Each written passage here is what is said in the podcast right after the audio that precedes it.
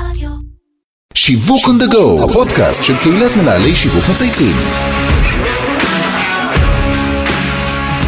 שלום לכולם למאזינים, למשווקים ולמצייצים. שמי אבי זיתן, בעלים של חברה להיות שיווקי אסטרטגי, ואני שמח לארח אתכם לעוד פרק של שיווק on the go, הפודקאסט של קהילת מנהלי שיווק מצייצים. בעולם הדיגיטל ובעיקר הרשתות החברתיות פתחו לנו כאנשי שיווק ערוצים נוספים לתקשר עם הלקוחות. לחשוף את המותג, לייצר ערך הדדי. אחד הערוצים המרתקים הוא עולם המשפיענים, שנדמה שרק הולך ומתפתח והשימוש שאנחנו עושים בו משתכלל ומתקדם. על מה השתנה, מה התקדם בשנים המועטות שהעולם הזה קיים, ואיך נכון לעשות בו שימוש נכון. נשוחח עם העורך המיוחד שלי, ארז רושינק, מנכ"ל חברת המשפיענים שר. אהלן ארז. מה העניינים אבי? מעולה, מה שלומך? נהדר, הכל טוב. יפה, אתה יחסית לא חיכית. הרבה אה, לפודקאסט. לא, לא יחסית חיכיתי די. מהר הגענו לזה, והתחום שלך מרתק. אז אין היום תוכנית עבודה שיווקית שלא כוללת את ערוצי הסושיאל, ובתוכם תמיד אנחנו נמצא את העבודה עם המשפיענים, כל מנהל שיווק מדבר על זה, שהתפקיד שלהם הוא לתווך, נכון, את המותג ללקוחות בצורה מאוד uh, מדויקת, אבל לפני שנצלול לנבחי הרשת הכל כך המרתקת הזאת, אנחנו תמיד מתחילים את ה... בטח כבר שמעת כל פרק בשיחה אישית. אני בטוח שהרבה מאזינים ישמחו לשמוע עליך, חיים אישיים, תרגיש חופשי לשתף. מעולה, אז אני ארז, בן 33, היום אה, מראש העין, חיפאי במקור, נשוי למוריה, אה, נמצאת בחודש שמיני כרגע, אז לך תדע, עד שהפרק ישודר, אולי אנחנו כבר, אה, כבר נהיה פלוס אחד וכבר לא יהיה לי זמן להאזין לפרק. כן, יפה.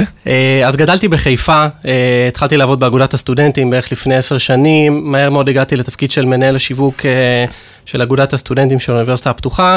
תמיד היה לי איזה חלום להיות מעורב. חברתית, ומהר מאוד אה, התגלגלתי בעצם לעולמות ה... השיווק יש לך והפרסום. דרך, אתה אומר, להיות, להיות אינפלואנסר כבר ברמה האישית. לגמרי.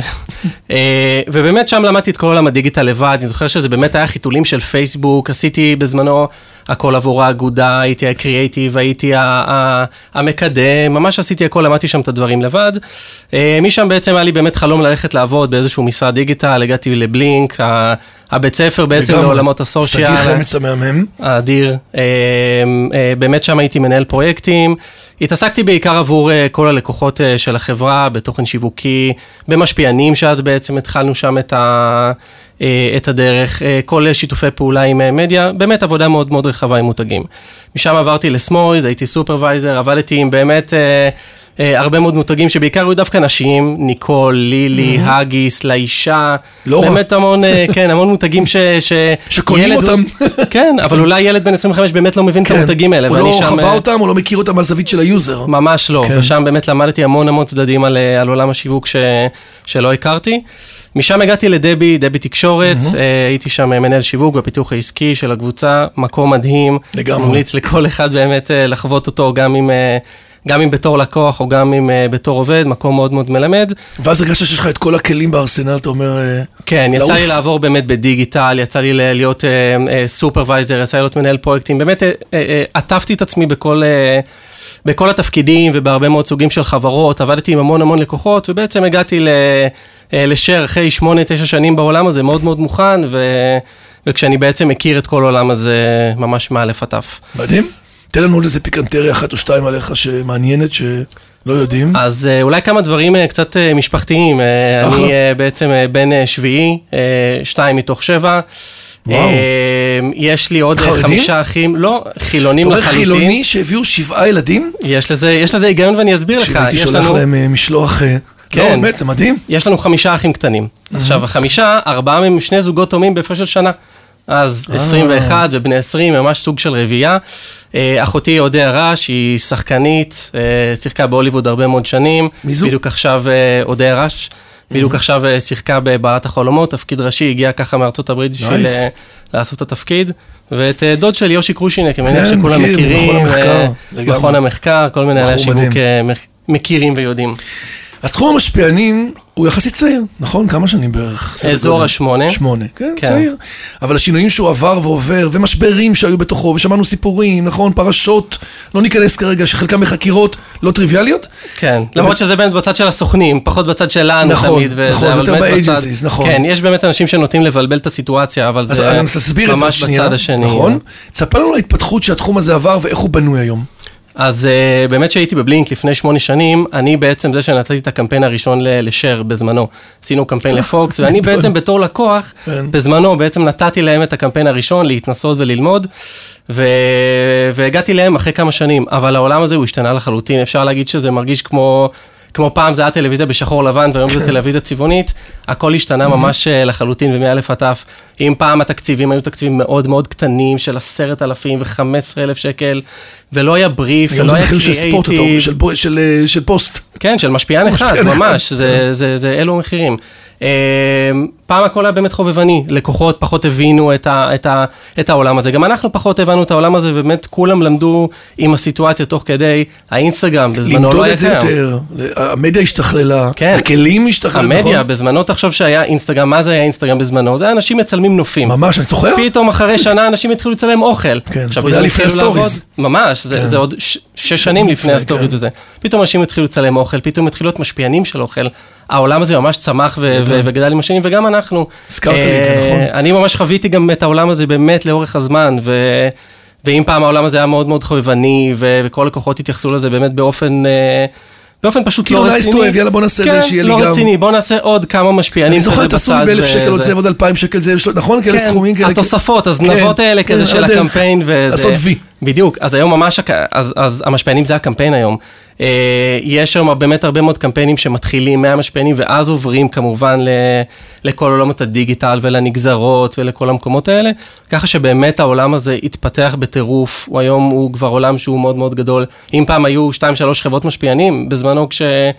אה, אה, באמת לפני שמונה שנים, היום יש כבר 15 חברות משפיענים, הרבה משרדי פרסום שעושים משפיענים. נכון. הרבה מאוד, אה, אנחנו עובדים באמת גם עם הרבה מאוד משרדי פרסום.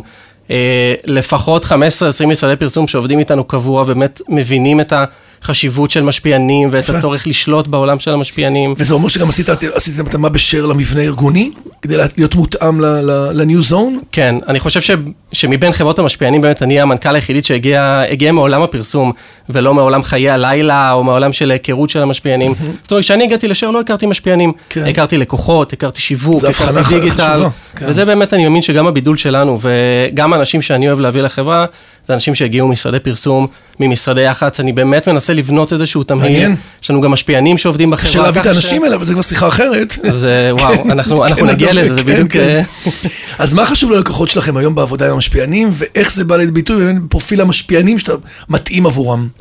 אז קודם כל, כמובן שכולם מחפשים את העוקבים, כמה שיותר עוקבים. ומחפשים באמת שיהיו כמה שיותר אה, חמים, או כמה שיותר אה, אה, אה, טובים ומעניינים. אה, ושהם כמובן מתאימים לעולם האוכל. אם אני עובד עם חברת מזון, כמובן שהם ירצו לעבוד עם... אה, עם זה ורטיקלים שעובדים, שונים, לפי. תחומים, יש רמות. ורטיקלים, כמובן. אה, אבל אתם עובדים מעבר עם לזה... עשרות לקוחות?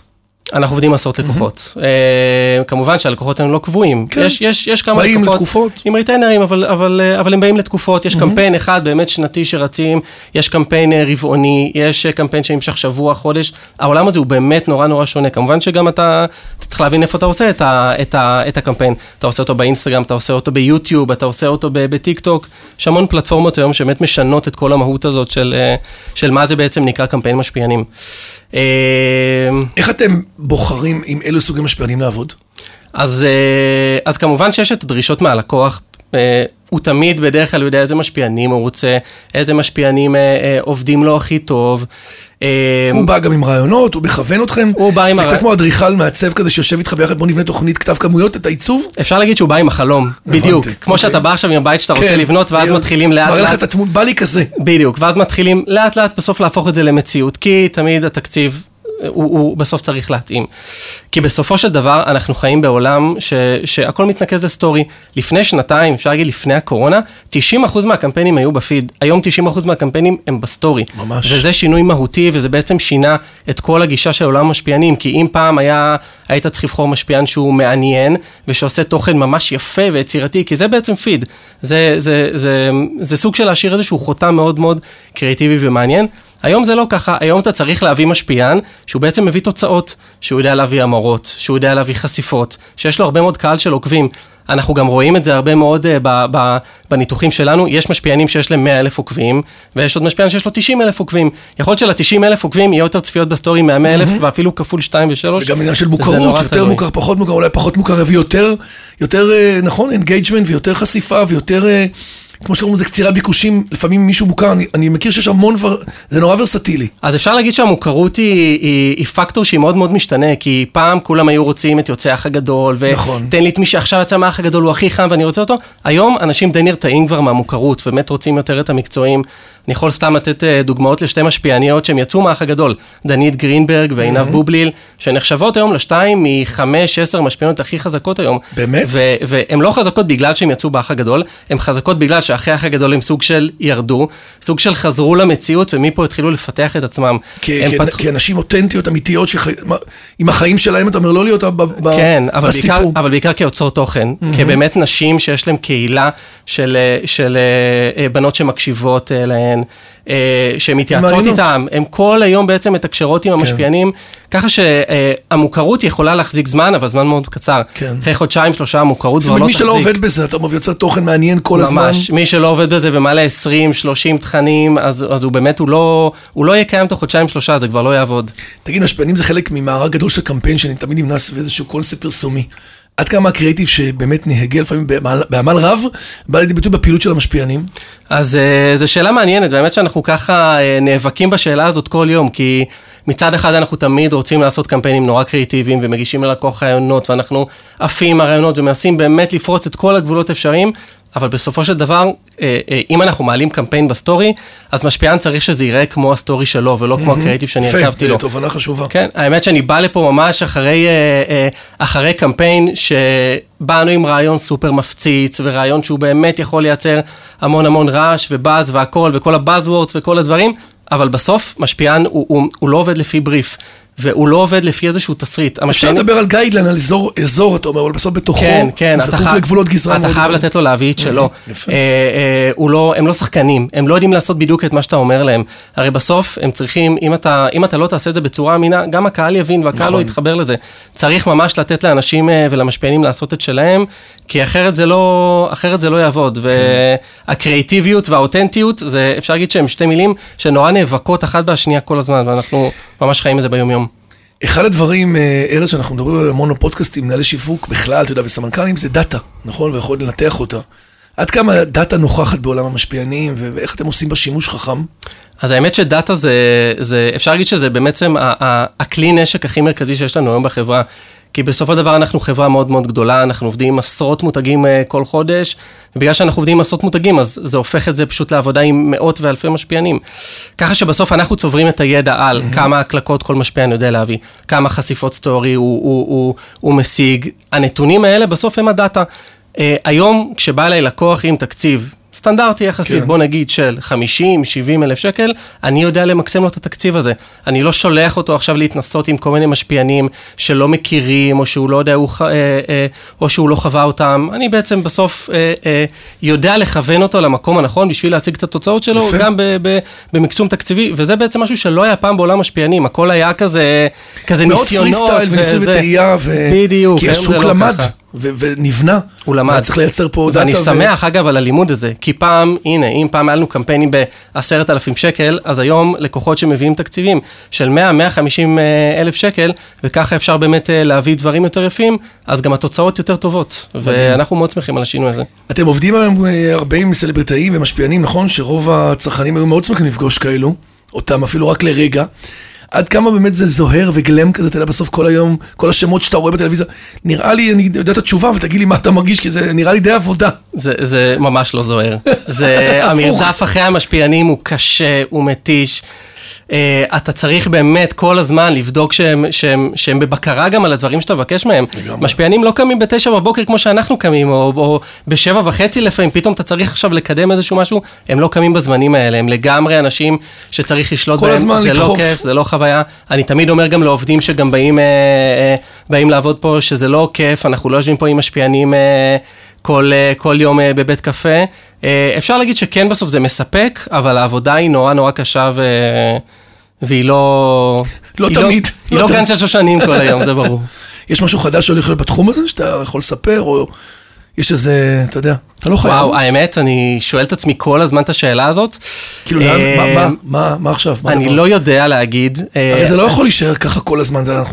כי הכלים משתנים. עולם המשפיענים תמיד יישאר. אם אתה שואל אותי מבחינת הכלי, אני לא מאמין שהאינסטגרם story הולך לרדת בשנים הקרובות. אני דווקא צופה עכשיו שנים של יציבות ושל, אה, ושל רגע הכרה והבנה של איפה אנחנו נמצאים, וכל הזמן הסנאפצ'אט הגיע לפני ארבע שנים, הוא לא הצליח. הטיק טוק בכל תרועה רמה הגיע לפני ממש. שנה וחצי, עשינו בזמנו, אני זוכר, שבעה קמפיינים בחודש, היום, היום זה לא קורה כבר. כאילו עדיין חוזרים בסוף כן. לאינסטוש. ממש, תמיד חוזרים הביתה בסוף למרות שהיה לאינסטגרם תמיד אמירה שהם. ניסו להוריד את הלייקים, נכון שלא יהיה יותר מדי תחרות, הם ניסו לבוא למקום של ה purpose קצת. זה לא ממש, הם פשוט, זה לא ממש... הם פשוט אה, מנסים להחיות את הפיד, והפיד כבר מת, הוא כבר לא קיים כל כך. אז הם אומרים בואו אה, בואו לא ננסה לפחות אה, כן, נשנה שם. אנשים, אנשים כבר לא גוללים, הם לוחצים, הם פשוט לוחצים על ה story, הם לא גוללים מתי. תעלה את הפיד, פוסט בפיד בפעם האחרונה? וואו, אה, נראה לי כשבישרנו על זה שאני ואשתי בהיריון, אבל אה, אני לא נכון? צופה זה, כן, זה... מדהים איך, אבל תראה, זה כאילו, יש פה מתעתע, כי יש חשיפה פי 100 יותר לסטוריז. מצד שני, זה בסוף נעלם. נכון. אתה יודע, שאתה אמביוולנטיות, ואיך אתה רוצה לפעמים לשמר את זה, להבין שזה כאילו מביא לי יותר חשיפה. אבל לקוחות מבינים, כן. ולקוחות כבר יודעים, והשאלה שאתה שואל זה השאלות ששאלו אותנו כבר לפני שנה, שנה וחצי, והיום אנחנו כבר במקום שהם באמת מבינים. מעטים הלקוחות שיבקשו קמפיין בפיד, ו- ומי שיבקש, אז, אז, אז לרוב יש, אה, יש, לו, יש לו כוונה למה לעשות את זה, אבל כמובן שבסוף כולנו מכוונים לסטורי. יפה. יש לנו כמה שאלות קבועות שאנחנו תמיד שואלים מרואיינים, אחד מהם זה על דברים, דיברנו תמיד על הצלחות והכל כן. נורא לאבי דווי, אבל תמיד בפודקאסט אנחנו אוהבים למצוא גם זווית של דברים שפחות הצליחו, דברים שעברת בדרך, איזו תובנה חכמה, יש לך כזה? אז האמת שכל החצי שנה, שנה האחרונה היא באמת נסובה סביב כל התובנות אה, על גיוס עובדים. קורונה טיים, אתה אומר. על, כן, על גיוס עובדים. כי אנחנו באמת נמצאים פה באיזשהו שלב ש, ש, שצריך משהו לקרות.